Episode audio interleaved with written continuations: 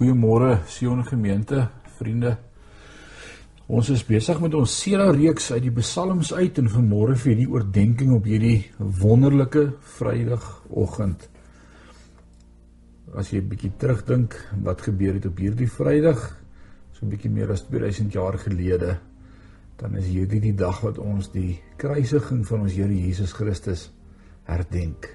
Ah, oh, wat 'n dag is dit nie vir ons as gelowiges nie om te weet vandag was die dag wat Christus vir my die prys betaal het. Ons kyk na die psalms en ek wil vandag vir jou na 'n profetiese psalm toe vat wat ons reeds gedoen het vroeër in die reeks. Uh, maar ek wil vandag vir jou bietjie meer pragtige waarhede daar uitwys. Psalm 22. Wat Dawid se psalm met die wyse wildsbok van die dag breek. Ek lees vir jou van vers 2 tot 9 in die boodskap En dan wil ek 'n paar goed uit daardie verse met jou deel. My God, my God, waarom los U my heeltemal alleen? U help my nie. Ek skree totdat ek blou word, maar U is weg. My God, ek roep U heeltyd. Ek hou nie op met bid nie. Heeldag en heelnag lank, maar van U is daar geen teken nie. U is doodstil. U is die een wat baie belangrik en groot is. U kinders het groot respek vir u. U is waar hulle u loof. Ons oupas en oumas het op u vertrou. Hulle het u vertrou en u het hulle nie die steek gelaat nie. U het hulle gehelp. Hulle het tot u gebid te bevry u hulle. Op u het hulle vertrou en u het hulle nie teleurgestel nie. Maar ek voel nie meer soos 'n mens nie. Ek is soos 'n wurm tussen die klomp stinkende dooies.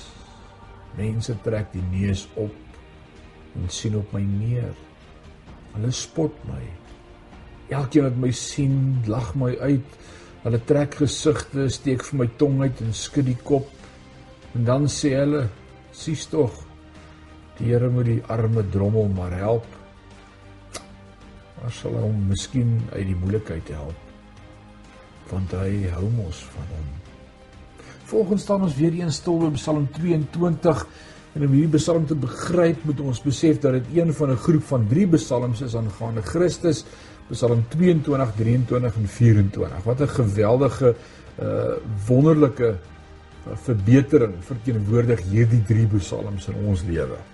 Hulle voorspel 1000 jaar vooruit, voor die kruis, voorspel hulle Jesus Christus in 'n uitstekende en baie ordelike volgorde. Eerstens sy dood en dan sy opstanding en dan sy heerskappy na sy opstanding en uiteindelik ook sy terugkeer.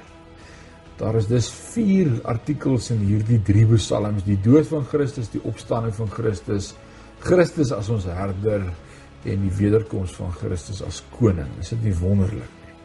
So hierdie groepie van drie psalms is baie spesiaal. Uh Psalm 22 word in twee afdelings verdeel, vers 1 tot 21.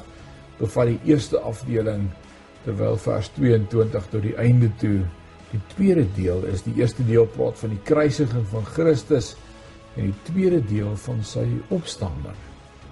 Dit is so duidelik.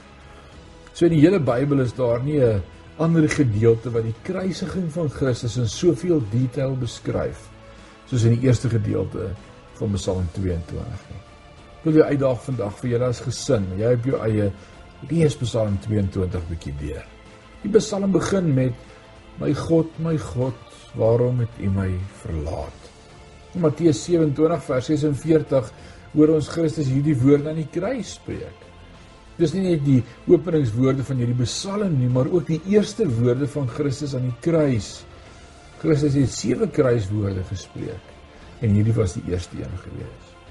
In vers 7 van hierdie pragtige Psalm 22 sê: "Maar ek is 'n wurm en niemand nie. 'n Smaad van mense en verag van mense." En dit is ten volle vervul te Christus aan die kruis vasgespijker is. Dit was daar waar die mense hom verag het. Daar het hy 'n smaak vir die hele volk geword en nou kom vers 8 en hy sê almal wat my sien spot met my. Hulle skiet die lip uit, hulle skud hulle kop. Matteus 27 en Markus 15 sien ons dieselfde ding, die vervulling vind hier plaas. En dan Psalm 22 vers 9 sê, hy vertrou op die Here dat hy hom sou verlos, laat hom red omdat hy 'n welbehae in hom het. En dis presies wat in die kruis plaasgevind het. Die hoëpriesters het hom saam met die skrifgeleerdes en ouderlinge gespot en gesê hy het op God vertrou. Laat God hom dan nou red as hy sal. Vers 13 van hierdie Psalm 22. Baie bulle het my omring. Sterk bulle van Basan het my omring. Nou, net so daardie dag was daar baie leiers rondom die kruis gewees. Sterk bulle. Vers 14 sê hulle het my mond met my mond gekloof soos 'n leeu en 'n brullende leeu. In vers 15 sien ons 'n helder prentjie van die kruisiging. In daardie tyd het Christus uitgeroep: "Ek word soos water uitgegiet en al my bene is uit my gewrigte." Terwyl hy aan die kruis was, en die gewig van sy liggaam veroorsaak dat al sy bene uit die potjies uitgetrek het. Jesus sê ook in Psalm vir ons: "My hart is soos was, dit is heeltemal binne in my ingewande." En daarom het hy gesê in Johannes 19 vers 28: "Ek het dors." Vers 16 van Psalm 22. My krag is opgedroog soos 'n potskerf. My tong kleef van my kake en U het my in die stof van die dood gebring. Wow. Hy is verbrand. Hy is verteer deur die heilige vuur van God aan die kruis. In vers 17 van Psalm 22 sê want honde het my omring. Die vergadering van die goddelose het my toegesluit. Hulle het my hande en my voete deurboor. En dis presies wat gebeur het aan die kruis daai dag. Hoor wat sê vers 18 en 19 van Psalm 22. Ek kan al my gebeentes vertel. Hulle kyk en staar na my. Hulle deel my klere onder hulle en werk die lot op my klere. Nou dit kan jy gaan lees in Matteus 27, Markus 15, Johannes 19. Dit teken die vervulling van hierdie Psalm aan. Nou Flavius Josephus die geskiedskrywer vertel vir ons dat die geeselingsproses het soveel van die stukke vleis van die rug van Jesus af uitgeruk elke keer dat jy van agter af deur sy ribbebene, sy longe sou kon sien asemhaal. Wow. Dit slotte vers 1 en 22 van Psalm 22. Red my siel van die swaard my skat uit die mag van die hond. Red my uit die bek van die leeu, want U het my gehoor uit die horing van die eenhorings.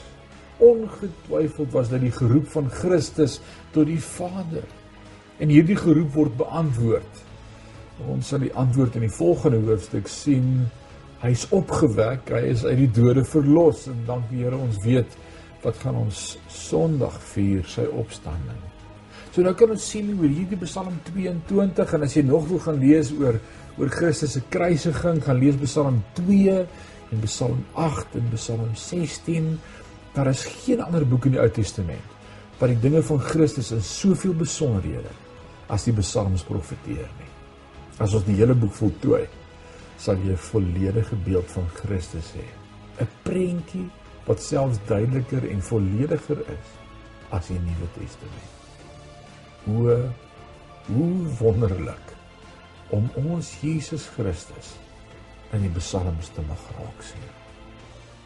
Is God se woord nie awesome?